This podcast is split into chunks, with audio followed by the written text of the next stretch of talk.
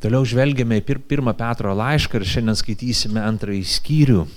Kalbėsime apie gyvuosius akmenis. Apaštalas Petras moko bažnyčią, moko tos žmonės, brolius ir seseris, kurie skaitė jo laišką dabartinės Turkijos teritorijoje, gyvenančias bažnyčias, krikščionis. Jis mokė juos, kad jie per tikėjimą Jėzų Kristų tampa gyvaisiais akmenimis.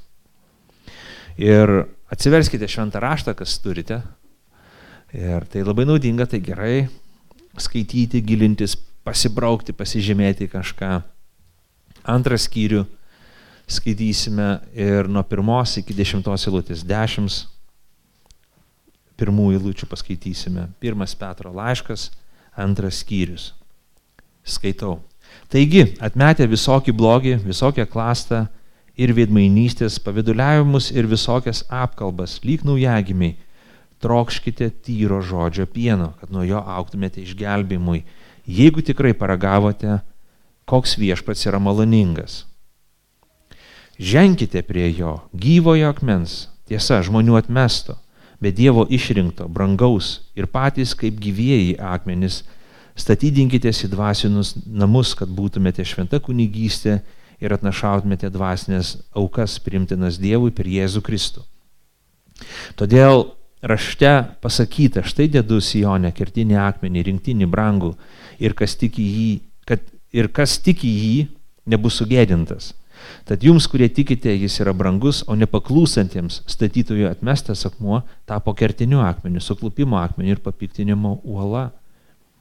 Jie suklumpa, neklausydami žodžio, tam jie ir skirti, o jūs esate išrinktoji giminė, karališkoji kunigystė, šventoji tauta, ypatingi žmonės, kad skelbtumėte darybės to, kuris pašaukė jūs iš tamsybių savo nuostabę šviesą.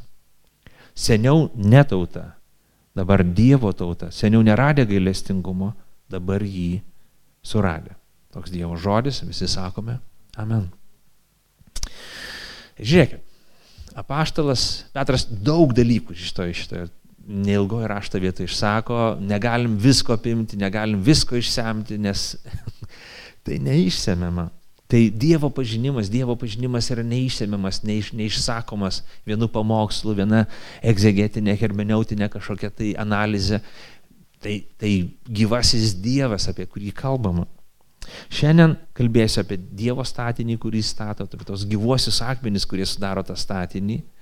Um, kaip mes galime statydintis, kaip galime tapti to, to, to pastato dalimi, kaip galime statydintis ir galiausiai koks yra viso šito dalyko tikslas. Taigi žiūrėkime, pirmiausia, Dievas nusprendė pastatyti pastatą. Dievas nusprendė pastatyti uh, statinį, namus, šventyklą, kartai sakoma miestą. Ir jis ypatingas.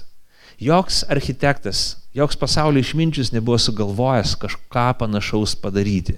Ir dabar mes skaičiuojame 2000 metų nuo šito, nuo, šito, nuo šito teksto, kurį perskaitėme užrašymo. Bet šio pasaulio išminčiai tos idėjos nesupranta, nesuvokia ir mes nesuvokiam ir nesuprantam, kol Dievo šviesa mums, mus apšviečia. Ir šventąją dvasę mes galime, šventąją dvasę mums apreiškiam, ar mes suprantam ir suvokiam tiesą, kuri yra Dievo žodyje. Taigi, viešpats nusprendė pastatyti šlovingą miestą, bažnyčią, savo bažnyčią. Tai yra jo statinys. Ir kai Senajame testamente, pavyzdžiui, psalmų knygose mes skaitome e, tekstus apie žavesi, kuri, kuris nukreiptas link Jeruzalės, link Dievo miesto, link jo šventyklos.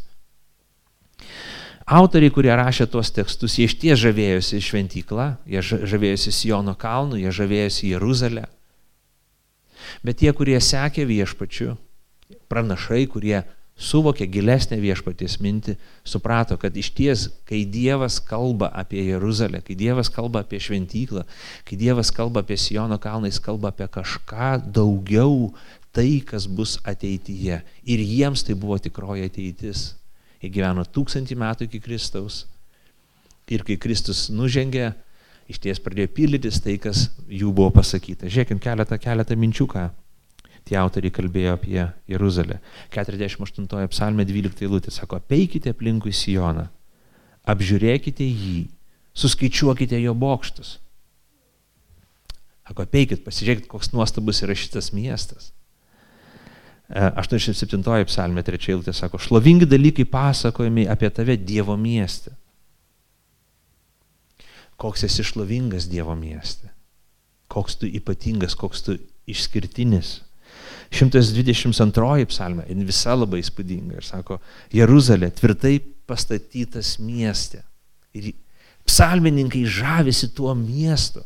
Ar jie žavėjosi tik akmenimis, tik tomis plytomis, kurios akmenimis, kurie tapo tam tikromis plytomis ir iš kurių buvo pastatytas miestas. Ne, jie kalba apie kažką daugiau, apie tą, kuris gyvena tame mieste, apie tą, kuris išsirinko, apie tą, kuris nusprendė įvykdyti savo didį išpirkimą, savo didį atpirkimą, žmonių atpirkimą, būtent per, per Jeruzalę, per jame, toje, toje, tame mieste gimsiantį arba nukryžiuotą karalių ir kuris atneš didį išgelbimą ir pradės statyti naują dvasinę šventyklą, tikrąją Jeruzalę.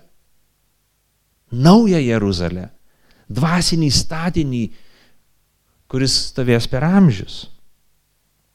Psalmininkas, e, e, gesmių gesmės autoris sako, septintas skyrius, e, dvyliktą, anksti rytą apžiūrėkime vynogynus. Ar jau sproksta vynmedžiai, ar skleidžiasi žiedai, ar pražydo granato medžiai ten aš tau atiduosiu savo meilę. Ši, ši poema yra erotinė poema, bet vėlgi jinai kalba ir apie viešpatį. Apžiūrėkime, apžiūrėkime tai, ką viešpats stato, tai, ką viešpats sudina, tai, ką jis daro savo rankomis, tai, kas yra jo statinys, tai, kas yra jo architektūrinis sprendimas, kas yra jo sumanimas, amžinas sumanimas, pastatyti statinį, ne, kuriam nepriliks niekas, ką, ką žmonės yra statę. Niekam įminti netėjo daryti tai, ką Dievas sumanė padaryti. Pastatyti dvasinius namus. Galiausia prieškimo knyga, paskutinė Naujo testamento ir Biblijos knyga sako, 21 skyrius nuo pirmos eilutės. Ir aš pamačiau naują dangų ir naują žemę, nes pirmasis dangus ir pirmoji žemė praėjo ir jos daugiau nebebuvo. Ir aš, Jonas, išvydau šventą į miestą, naująją Jeruzalę, nužengiančią iš dangaus nuo Dievo. Ji buvo pasiruošusi kaip nuotaka, pasipuošusi savo sužadėtiniui. Ir išgirdau galingą balsą skambantį iš dangaus. Štai Dievo buveinė tarp žmonių. Jis apsigyvens pas juos ir jie bus jo tauta. Ir pats Dievas, jų Dievas bus su jais, jis nušluostys kiekvieną ašarą nuo jų akių.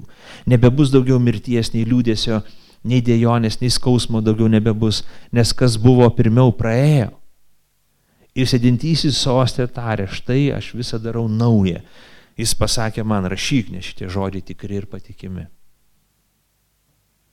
Neįtikėtina, kad viešpats stato tą naują buveinę, naują statinį.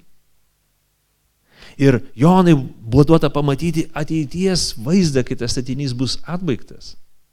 Tas statinys yra jo bažnyčia. Statinys yra ypatingas tuo, kad jį, jo sieną sudaro gyvi žmonės. Tai yra pašauktieji, tai yra tie, kurie patikėjo Jėzų Kristų, tie žmonės yra jo statinio, jo dvasinių namų, jo miesto sienos. Gyvieji akmenys, kurie, kurie sudarys. Ir vieną dieną ši nuotaka Nes tas statinys, tas miestas, tai metaforos, be abejo, tai nėra tiesiogiai taikomi, taikomas tekstas. Tie Dievo išrinktieji, jie kartu sudarys tą bažnyčią, Kristaus kūną, Kristaus nuotaką ir bus tobula. Ir Jonas tai pamatė. Ateities vaizdą, paveikslą, kuri ateities bažnyčia, bažnyčios likimą, finalinę dieną, kai mes švesime kartu su Kristumi, sakysim, wow, Štai kokia mintis buvo, štai kodėl reikėjo, štai kokią prasme turėjo, štai kodėl, štai kaip ir galiausiai kas įvyko. Ir niekas savo, savo didybę, šlovę, savo grožį, savo galę negali prilygti šitą miestą. Niekas. Niekas negali prilygti miestui, statiniui, kurį stato Dievas. Mes gyvenam aukštatijos sostiniai.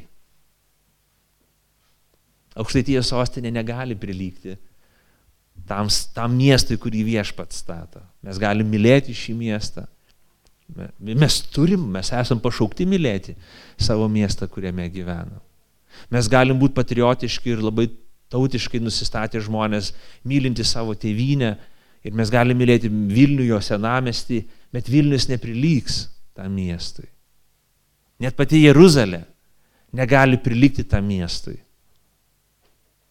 Nes daug įvairių dalykų vyksta mūsų mieste, mūsų tautos sostinėje, Jeruzalėje, Roma visoje savo didybei, kitos pasaulinės galybės ir pasaulinių galybių sostinės, Londonas, Paryžius, New Yorkas ar kiti miestai, negali prilygti tam, ką viešpat sumanė padaryti. Nes to miesto šlovė bus didesnė už visų pasaulio sostinių šlovę. Nes ji nebus suteršta nuodėmės, ji bus apvalyta nuo nuodėmės, apvalyta nuo geismo, nuo ambicijos, nuo nešvarių, nešvarių ambicijų, nuo neteisaus pelno. A, didybė bus nuostabesnė, nes tai bus didingas vaizdas, bet jame viešpataus nuolankusis avinėlis, apriškimo knygose. Jo grožis bus atskleistas taip, kaip niekada nebuvo atskleistas ir neįmanomas atskleisti šią pusybėje, nes jo, jo grožis bus atskleistas tyrume šventume, apvalytas nuo nuodėmės geismo, nuo geidulio, kuris gyvena mumys. Jo galybė bus tokia, kokios mes nesam matę. Nuožmi, triuškinanti, pranokstanti bet kokią kitą galybę, paralyžiuojanti blogį taip, kad jisai miršta savo užuomasgose. Bet tuo pat metu švelni galybė, ginanti teisingumą, ginanti silpnai, besiaukojanti. Į kryžių nukreipta galybė. Neįtikėtina.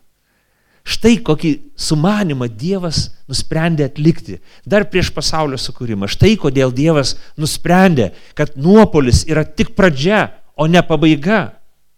Nes jis nusprendė atstatyti, pastatyti kažką tokio, kas pašlovins jo vardą, kas mus įkvėps Dievą šlovinti ir garbinti visą amžinybę.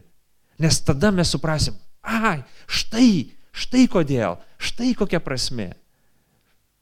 Štai kodėl reikėjo, štai kodėl man reikėjo ištverti, kentėti, negauti kažko, bet ilgėtis ir, ir trokšti kažkurių dalykų. Štai ko mes ilgimės iš esmės, kaip žmonės. Mes ilgimės tokio miesto, mes ilgimės tokios šlovės, mes ilgimės tokios valdžios, mes ilgimės tokios išminties, mes ilgimės tokio miesto. Mes esame sukurti šitam miestui. Ir trokštame. Dėl nuodėmės mes klystame, mes vaikštom visur, kur ir netrandam to pasitenkinimo, netrandam polisio, netrandam savęs, netrandam pasimėgimo. Bet mūsų sielos mes galim patekti į, nežinau, į aukso narvelį, mes galim daryti viską, ką pasaulis tas gali pasiūlyti, bet jeigu mes neturėsim tos ramybės, kurią atneša viešpats Jėzus Kristus, mes norėsim nusižudyti būdami ten. Nes viskas netenka prasmės. Mes esam pašaukti gyventi šitą mieste. Ir įdomu tai, kad, kad e, apaštalas Petras sako tai, kad, kad Jėzus Kristus yra šito pastato, šito statinio kirtinis akmuo. Aš nenusimanau apie statybas, aš nežinau, ar šiandien mes turim kažkokius kertinius akmenis, nelabai. Bet kai kalbam apie kertinį akmenį, visą ką kalbam apie tai, kad tai svarbiausias pastato akmuo, tai yra fundamentas, esminis pamatas, tas, kuris laiko visą statinį. Ir jis yra Jėzus Kristus. Petras Jėzų Kristų įvardina kertiniu akmeniu. Jis yra kertinis akmuo. Jis yra tas svarbiausias asmuo, svarbiausia to pastato ašinė struktūrinė dalis, kuri palaiko viso statinio prasme, tikslą ir jį paėmus nelieka nieko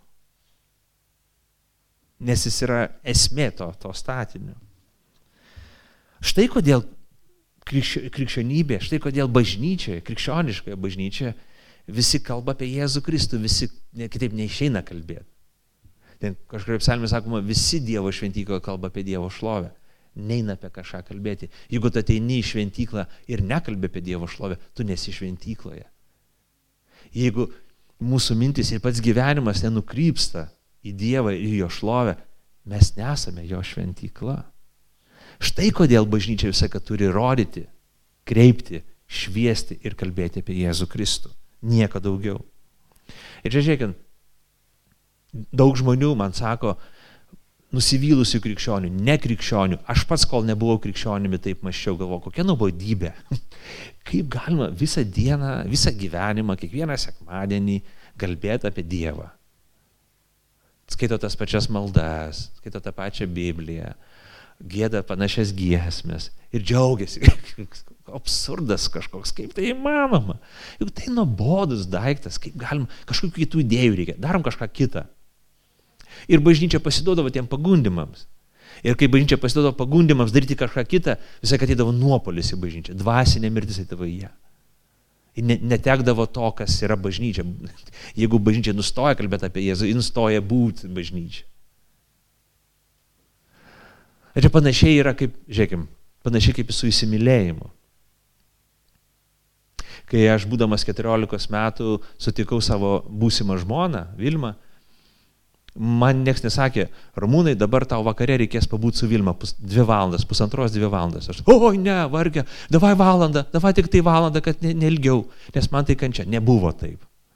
Aš viską darydavau, kad tas laikas ateitų anksčiau, kad būtumėm ilgiau, nes man buvo smagu ir gera būti su jie. Ir dabar jau belenkiek dešimtmečių praėjo. Mes esam kartu, nes mums yra gera būti kartu. Aš pamilau tą jauną merginą, Ir man, mane traukia prie jos, aš noriu būti su ja. Man nėra kančia būti su ja. Man gera, kai jin kalba, man gera, kai jin nekalba, kai jin tyli kažką daro. Lygiai su Kristumi tas pats dalykas. Kol mes nepažinom Jėzaus Kristus. Petras sako, jei tik paragavote, koks jis yra. Jei tik paragavote, koks jis yra. Viskas mūsų gyvenimas keičiasi. Jeigu tik mes sutikom Jėzų Kristų, kažkas įvyko mūsų širdyse, mes pamilom jį. Ir mes norim būti su juo. Tai mus žavi. Laikas būti su juo mus žavi. Skaitimas apie jį, kai kažkas skaito, kai aš pats skaitau, kažkas pasako apie Jėzų, kai mes melžiamės, kai aš tariu jo, jo, jo, jo vardą, kažkas ypatingo vyksta mano širdį, mano krūtiniai. Jeigu tik aš paragavau, koks yra viešpats, Jeigu tik pažinau jį, jeigu tik aš esu atgimdytas jo dvasios, mane traukia prie jo, aš noriu būti prie jo, man nekančia, bet man didelis džiaugsmas, aš galiu jį, apie, apie jį klausytis tol, kol užmigsiu. Nes man tai įdomu, man tai gera, mane tai drivina, mane tai veža. Ir tokia yra bažnyčia. Tokia yra bažnyčia. Vargas mums, iš tikrųjų, broliai sesės, jeigu mes aptinkam, apčiuopiam savį, kad mums jau nuobodu, kad Jėzaus vardas mūsų nebežavi, nebejaudina. Hei, mums reikia susimastyti, mums reikia pagalvoti, kas vyksta su mano siela. Kas dedasi mano širdį, jeigu manęs nebejaudina Jėzaus vardas. Jeigu Evangelija manęs nebe, nebe, nebe, nebejaudina, jeigu buvimas bažnyčiai mane trikdo. Hei, greičiausiai aš jau pamečiau, kas yra Jėzus.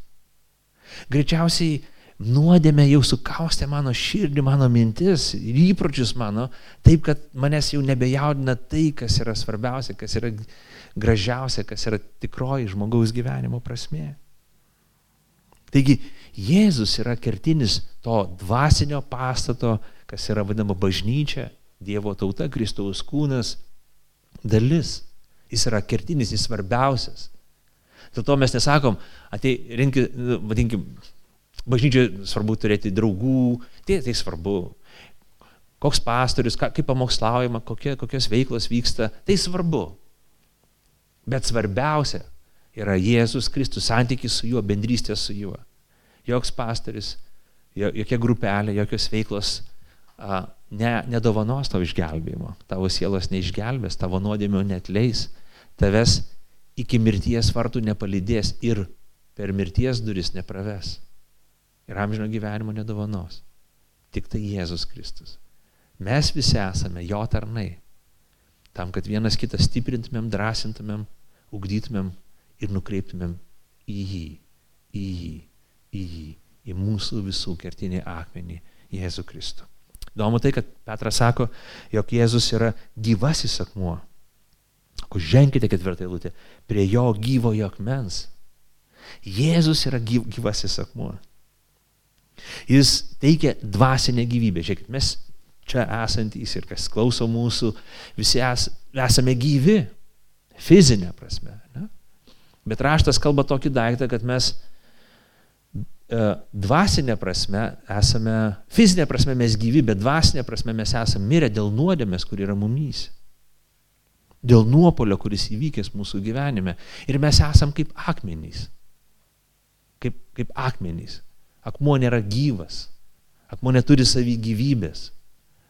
Mačiau straipsnį, e, vienas akmenų kolekcionierius sako, o akmenys gali daug papasakoti. Aš galvoju, kaip sekėsi to prakalbinti tos akmenys. Nes jie paprastai nekalba. nekalba akmenys, nes jie ir nėra gyvi. Ir tik tas, kas yra gyvasis akmuo, gali duoti gyvybę kitiems.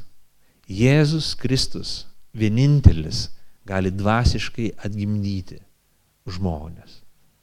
Vienintelis. Dievas taip nusprendė, kad per Jėzų Kristų jisai atgimdys akmenis ir padarys juos gyvus. Padarys juos gyvais akmenimis. Jėzus, tikėjimas į jį, padaro mus gyvais, atgimdo mus. Kaip tai vyksta? Tai vyksta tada, kai mes girdime Evangelijos žodį, klausom apie Jėzų Kristų. Ir staiga mumyse kažkas pradeda, mes pradedam jausti jaudulį kažkokį vidinį, intelektualinį. Man to reikia. Aš noriu šitą. Mūsų širdis pradeda plakti tankiau ir mes galvom, kažkas vyksta mano širdį.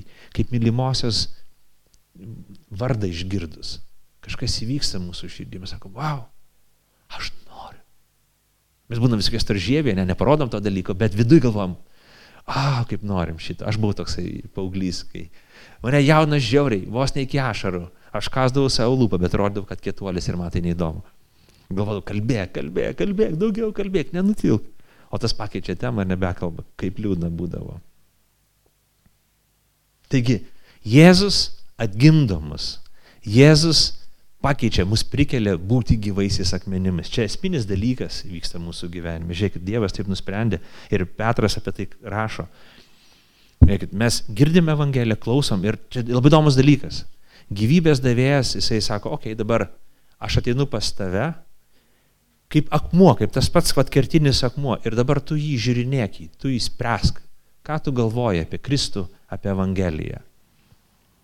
Ir Petras rašo, jisai, žiūrėkim, jisai matė Jėzaus išdavystę, jis matė Jėzaus teismą, jis matė Jėzaus nukryžiavimą, jis buvo liudininkas Jėzaus prisikelimo, jis matė visą procesą.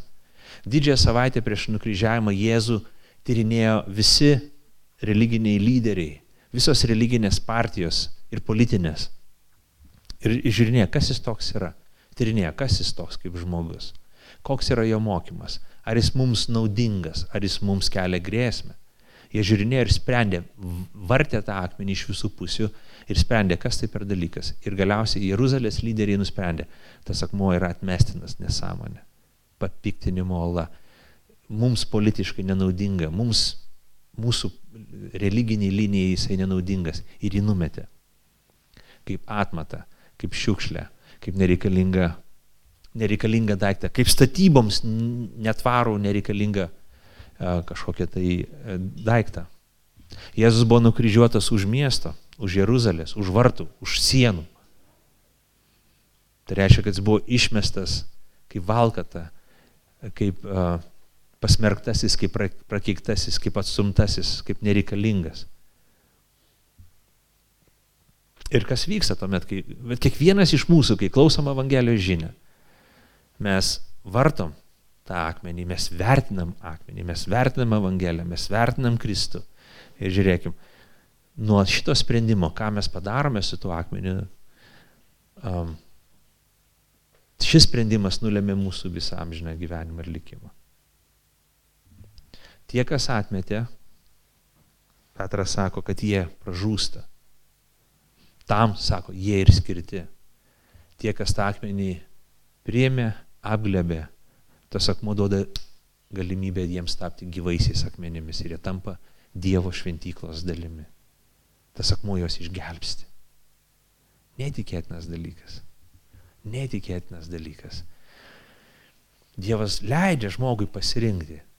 Ir savo pasirinkimu žmogus arba pasmerkia save pražučiai, arba pasmerkia save išgelbėjimui. Gauna išgelbėjimą. Tai neįtikėtina. Žiūrėkim keletą tokių praktinių minčių. Visi mes išgyvenam kažką panašaus, tam tikrą atstumimą, atmetimą. Jaučiamės, kartais tiksliai, tikroviškai jaučiam, kad mes mus atmetė žmonės, kartais jaučiamės subjektyviai. Tai reiškia, kad galbūt net nebūtinai taip ir yra mūsų gyvenime, kad žmonės mus atmetė, bet mes taip jaučiamės atmesti. Jaučiamės pamiršti, jaučiamės niekam nereikalingi, kaip tie patys akmenys numesti į pakrumę kažkur. Ai, mus pamiršo. Kartais mus pamiršta draugai, artimieji, mus palieka, išduoda. Kartais giminės mus apleidžia, pamiršta, ignoruoja ir neigia. Tai būna labai skausminga. Stoktiniai nusisuka nuo mūsų. Hmm? Žmonės pasuka skirtingais keliais, su nepykanta, su visokiais apkalbom, su emociniais krūviais, kurie niekur neišsiventiliuoja. Deja nutinka ir taip, kad netgi tėvai, netgi tėvai palieka mus ir nesirūpina mumis. Netgi tėvai pamiršta savo vaikus, nebesirūpina jais, neaugina jų, negloboja jų. Ir tą akimirką, kai mes būnam tokiuose situacijose, arba jeigu būnam tose situacijose, prisiminkim Jėzų Kristų, kad jisai tai patyrė. Kad mūsų atpirkėjas, mūsų išganimo kertinis akmuo, gyvasis akmuo, kuris teikia gyvybę visiems, kurie tik patikės, patyrė lygiai tą patį. Dievas, įsikūnęs Dievo sunus Jėzus Kristus buvo atstumtas savo tautiečių, savo žmonių, savo kūrinių, savo vaikų, savo dukrų ir sunų. Ir jisai turėjo patirti tą patį atmetimą. Tas pats Dievo sunus, tas pats skirtinis akmuo, tas pats gyvasis akmuo yra pasakęs, aš niekada tavęs nepamiršiu ir niekada tavęs nepaliksiu. Broli sesė, jeigu tu esi Kristuje Jėzu, jeigu tu esi krikščionis, žinok, jeigu visi tave paliks, netgi kai visi tave paliks, Jėzus Kristus tavęs niekada nepaliks. Jisai nusprendė, jisai pažadėjo, kad visą laiką bus su tavim. Tai didelė pagoda, didelis padrasimas, didžiulis jo pažadas. Į jį įsikabinkim visom galybėm, ypatingai tą vienišumo, apleistumo akimirką. Iš kitos pusės, jeigu mes esam krikščionis, čia žiūrėkit, Petras irgi žaidžia tą žaidimą, tokį gražų teksto, tą, tą teksto mintį. Žiūrėkim, jisai kertinis akmuo mūsų išgelbimo, ne? mes esam krikščionis, nes mes tikime Jėzų Kristų, mes esam gyvieji akmenys, nes jisai yra gyvasis akmuo. Viskas ateina kažkoks tarsi, koks jis tokie mes, kaip jis taip ir mes, kaip jis pašauktas gyventi, kaip jis, kad gyveno, mes taip pašaukti gyventi ir lygiai taip pat, žiūrėkim, kaip kad Jėzus kentėjo, lygiai taip pat mes kaip krikščionis esam pašaukti kentėti. Ir Petras rašo apie tai daug savo laiškuose. Brangieji, dėl tikėjimo tau ir man teks kentėti. Nes priešingų atveju, ko vertas tavo tikėjimas? Čia kaip tose senose gerose pasakose. Nori gauti pažadą, nori, kad prakeikimas būtų atšauktas, nori gauti tai, kas tau labai brangu, kas daug daugiau negu tu turėjai, kas iš esmės perkeis tavo gyvenimą būti visą, kas tu esi. Tau reikia ištverti išmėginimą.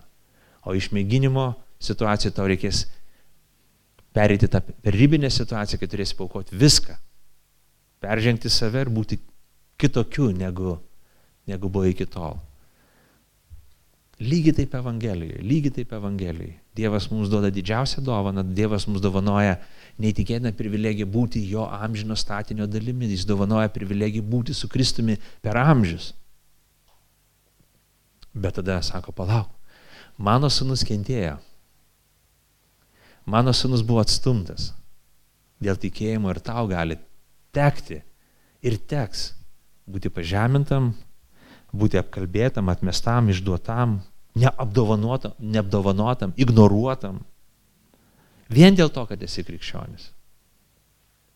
Ir brangiai, kai mes tai patiriam dėl to, kad esam krikščionis, nenuliūskim. Petras sako pir, pirmam skyriui šeštoje lūtėje, džiaukitės. Jeigu patenki išmėginimus, džiaukitės. Aš labai sunku tai daryti, kai būna kažkoks dalykas ir tu matai, kad čia tiesiog dėl tikėjimo, dėl to, kad tu esi tikintis, tave ignoruoja, apie tave kalba. Kažkokie tokie neigiami dalykai vyksta. Mes nesame matę persiekimų savo, nu, savo kultūrai, nesame matę persiekimų, kad žudytų, kaip pavyzdžiui, artimuosiuose rytuose.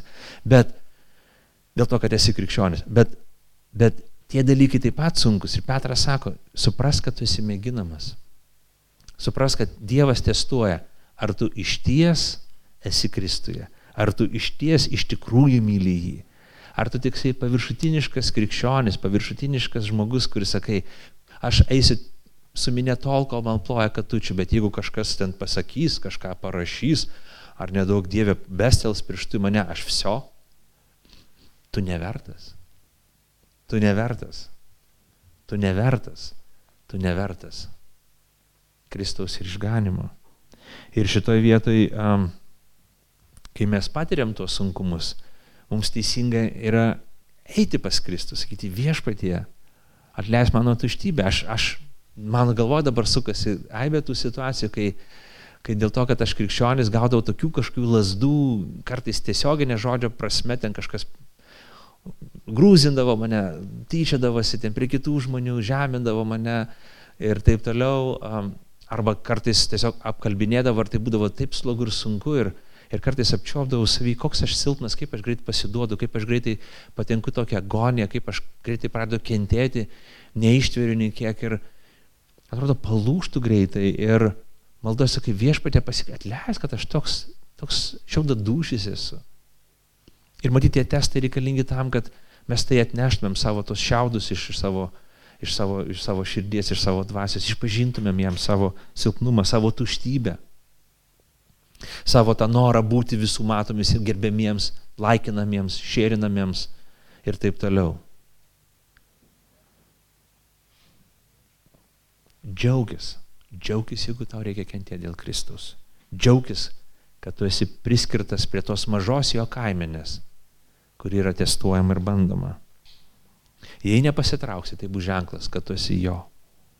Jeigu sunkumo išmėginimo metu tu bėgsi pas Kristų, galbūt išpažinsi savo silpnybę, galbūt kaip Petras pasikeiksnodamas ten kažkur padarysi dalykus, bet bėgsi prie jo, prie galilėjiečių ir sakysi, Jėzau atleisk man. Kas įvyks tavo gyvenime? Jėzus tave apglėps, Jėzus tave priims, Jėzus tave apgaups, Jėzus tave sustiprins, Jėzus tave pašventins tu būsi arčiau jo, tu būsi giliau jame, tu labiau suprasi, kas yra jis ir iš ko gelbsti tave.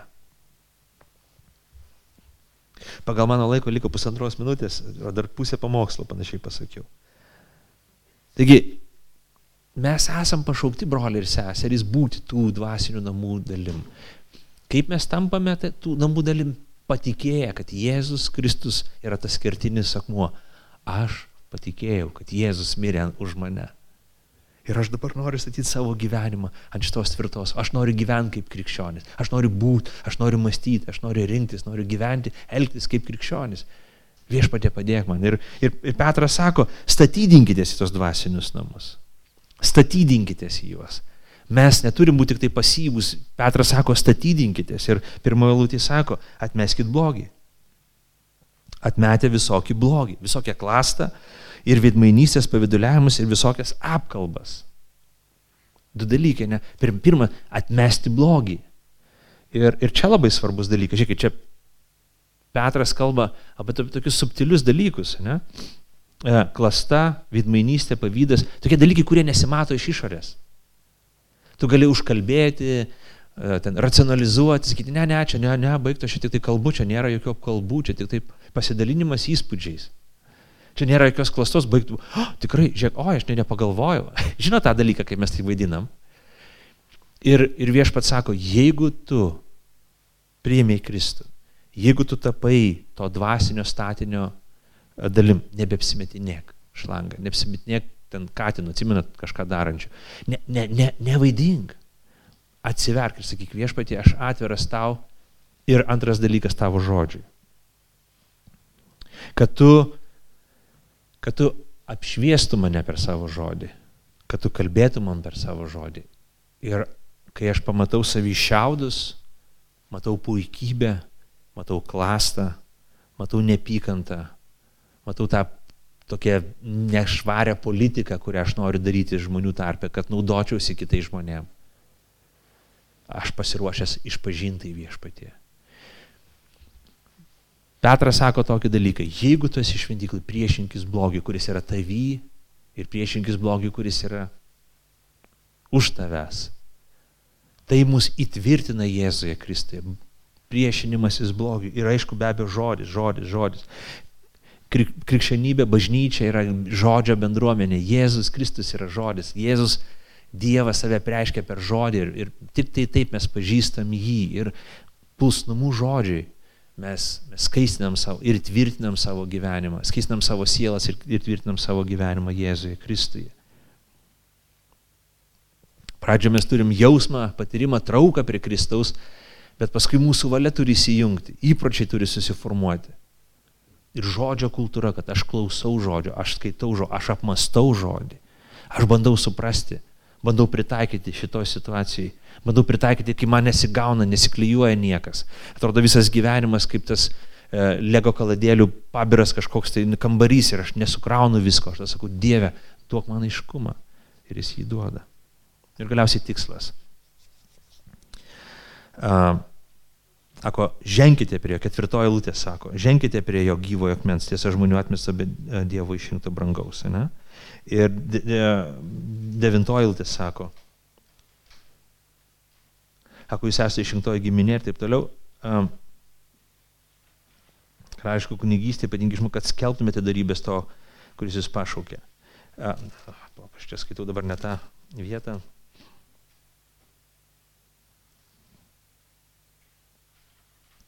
Nu, žodžiu, mintis yra tokia, kad mes esame pašaukti kaip krikščionys. Pirmas dalykas, būt, kad būtume e, šventoji kunigystė. Kad e, mes būtumėm jo, jo tauta, kad būtume jo žmonės, kad būtume ta šventoji kunigystė. Pirmas dalykas, mes esame pašaukti būti tauta, kai prieš tai nebuvom tauta. Būti kunigystė, kai prieš tai nebuvome kunigystė. Kad būtume tai žmonėmis, kurie atskirti gyventi dėl Dievo būti su juo, leisti laiką su juo. Čia labai svarbus dalykas, žiūrėkim. E, mūsų pirminis krikščionių pašaukimas yra būti su Jėzumi Kristumi. Dėl kartais nekrikščionis sako, kodėl krikščionis tokie esat um, uh, susitelkę į save, kad galvojate, kad tik tai krikščionis bus išgelbėti ir tik tie, kurie bažnyčiai bus išgelbėti. Kodėl jūs neskelbėte tai, kad visi bus išgelbėti? Dėl to, kad šventas raštas mūsų atskleidžia tiesą kad per Jėzų Kristų yra išgelbėjimas. Ir amžinasis gyvenimas tai yra amžinas buvimas su Jėzumi Kristumi. Jeigu tu šitoj žemėje nepamilai Jėzaus Kristaus, jeigu tu jo nemyli dabar, jeigu tau būti su juo dabar yra nemalonus dalykas, kodėl tau tai turėtų būti malonu visam žinybę būti, su juo daryti, veikti, gyventi su juo amžinai. Jeigu tu dabar nepamilai merginos ir nenori su ja leisti laiko, kam tau reikia tuokti su ja, kai tau reikės nugyventi visą gyvenimą su ja. Viešpas mus pašaukė būti su juo. Ir būti su juo yra mūsų pašaukimas. Kai nesiseka, kai nesikloja gyvenimas, kai sekasi viskas Skirkim laiko tiesiog būti su Kristumi. Mūsų pašaukimas nedaryti, neveikti, nebūti aktyviais. Mes nesam kaip kažkokie žirkienai, kurie pašaukti bėgti tą ratelį tam, kad tiesiog va, tokia prasme daryti kažką dėl Kristaus. Ne, mūsų pašaukimas yra būti su juo, pirmiausia, gyventi su juo. Kaip yra paštalus, jis pašaukė tam, kad galėtų, jie, kad galėtų būti kartu su juo pirmiausia. Bet antras dalykas, kad mes esam pašaukti atnašauti dvasinės dovanas. Aš nerandu tos rašto vietos Penkta eilutė iš tikrųjų, čia ne, ne aštunta eilutė, sako, kad būtumėte, kad kaip patys, kaip gyvi akmenys statydami dvasinius namus, kad būtumėte šventa kunigystė ir atnašautumėte dvasinės aukas primtinas Dievui. Žiūrėkime. Pirmas dalykas - būti su Kristumi, antras dalykas - kažką nuveikti, bet pirmiausia - būti, o ne veikti. Būti su juo, gyventi su juo, pasilikti jame, įsišaknyti jame, bendrauti su juo ir paskui kažką nuveikti dėl jo. Žiūrėkime, svarbus daiktas. Kaip kad Kristus, kaip kad Kristus, kad gyveno. Žiūrėkime, jisai yra gyvasis akmuo ir kai mes patikim jį, mes tampam gyvaisiais akmenimis. Kaip kad Kristus kentėjo, taip mes esam pašaukti, kaip kad kentėjo dėl mūsų, mes esam pašaukti kentėti dėl Evangelijos. Kaip kad Kristus darbavosi ir gyveno dėl tėvo, taip ir mes esam pašaukti dėl Kristaus darbuotis ir gyventi dėl Evangelijos, pasiaukojant į gyvenimą kad būtume, būtumėm su Dievu, gyventume su juo, o lygiai taip pat ir tarnautumėm, dalindami save, aukodami save, rūpindamėsi kitais, mąstydami apie kitus žmonės ir duodami tai, kas jiems yra reikalinga. Amen. Pasimelskim. Ačiū viešpatie už tai, kad tavo žodis mums kalba, jog tu esi gyvasis akmuo esi kertinis akmuo, kuris esi tos šventyklos, miesto, kurį tu statai, amžino miesto, pamatinė ir kertinė dalis viešpatė ir tavo žodis tai moko. Ačiū tau viešpatė, kad tu mums visą tai dovanoji uždyką per tikėjimą. Ir kiekvienas, kas patikė, turi galimybę tapti gyvuoju akmenys ir atgimdamas amžinajam gyvenimui. Yra pašauktas būti to gyvo statinio amžino šventyklos dalim. Meldžiu iš kiekvieną iš čia esančių, kad mes būtume to statinio dalimis. Kad turėtume dalį tame, kad įtvirtintumėm savo gyvenimą tame. Kad gyventumėm su tavim ir brangintume diena iš dienos, brangintume tą, tai, ką tu darai mūsų širdise ir gyvenimuose.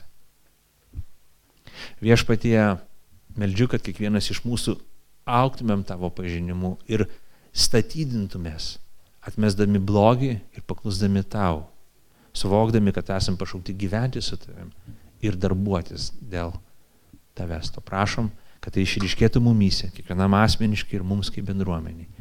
Per Kristų. Amen.